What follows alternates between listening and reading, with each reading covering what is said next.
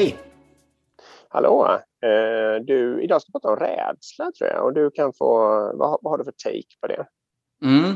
Jag kan sno lite direkt av han SAS-Jan, alltså Jan Karlsson, som var vd för SAS. Um, han skrev en bok också, i pyramiderna, från 1985 tror jag. Mm. Um, men i alla fall, jag hörde honom prata och jag tänkte, vi har ju pratat om det också delvis, men han sa just att en av de viktigaste sakerna som man kan göra som chef i en organisation, eller som man måste se till att få till i en organisation, det är att man får bort rädsla och får dit, han kallar det för kärlek då istället motsatsen. Um, och det han, hans poäng med det var just att om det finns rädsla i en organisation så kommer folk inte våga att vara innovativa. De kommer inte våga testa saker. De kommer inte våga utmana saker. De kommer liksom inte, du kan inte alls få människor att flyga i en organisation där det finns rädsla. Um, så därför måste du liksom se till att du måste ta bort all rädsla och bara skapa kärlek och trygghet. Liksom. Ja. Um, då kommer du få organisationer som flyger i någon mån. Ja, smart. Redan då. Nej, men jag tänker att det är väldigt likt Googles den här uh, Project Aristotle. Uh, mm. Som mynnar ut i att psychological safety är den absolut viktigaste faktorn för innovation. Mm.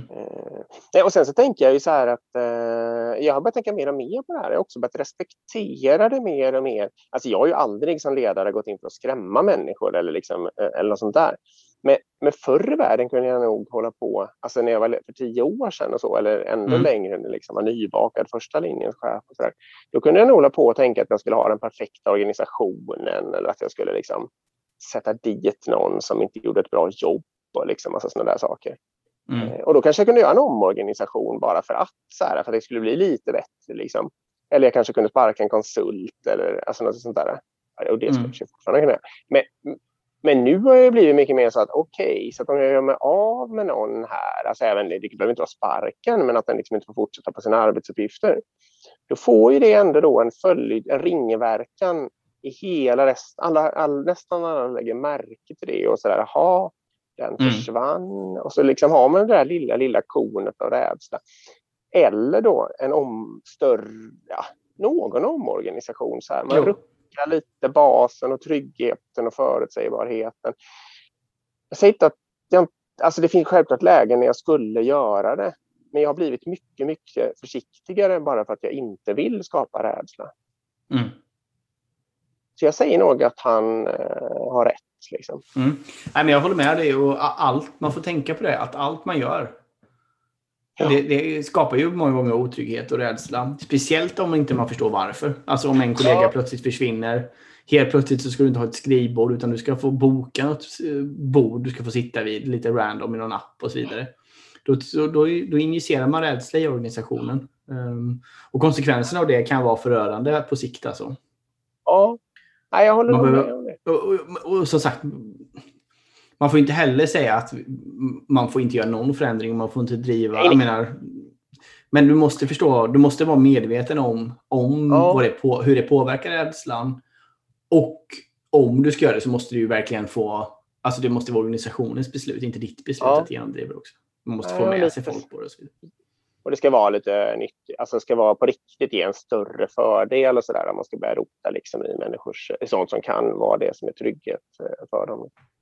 Mm. Eh, och det gäller ju också sådana här människor håller på, de ska följa upp. Alltså, det är klart man kan ha kopior och sånt där. Det är en egen mässa i sig, men det kan mm. vara bra. Men eh, sättet som jag som ledare uttrycker mig på om jag följer upp någon form av mål eh, det spelar ju också roll så här, om mm. jag liksom får människor att känna sig lite misslyckade. Alltså att de, det känns obehagligt att komma och visa dåliga siffror eller vad man nu ska kalla det för, inte så långt gångna siffror. Eller om det bara så här mer blir, jaha och nej, eh, vad lär vi oss av det här? Eller liksom, det här får vi ta tag i, eller vad behöver du för förutsättningar? Det är ju mm. natt och dagskillnad i sen hur, eh, liksom vilken mm. organisationskultur som sprider sig som ringar på vattnet från det beteendet av en eller flera chefer. Liksom. Mm. Ja, och precis samma sak om du misslyckas med saker. Hur hanterar du det? Om ett ja. projekt drar över i tid med tio gånger i tiden eller man ja. faktiskt aldrig lyckats leverera den där saken man trodde och så vidare. Eller man tappar en kund som man hade på tråden. Hur, hur, hur agerar man då? Det är då det kommer till kritan på, någon, på något sätt. Mm. Så jag tror summa summarum här blir ju liksom att en av de viktigaste arbetsuppgifterna och sakerna som du ska göra som chef, det är ju att skapa trygghet helt enkelt. Ja. det är en bra förutsättning om inte annat. Helt med. Lägg mycket fokus och energi på det. Skapa trygghet, inte rädsla. Vi hörs imorgon. Tack för idag. Det gör vi. Hej. Hej.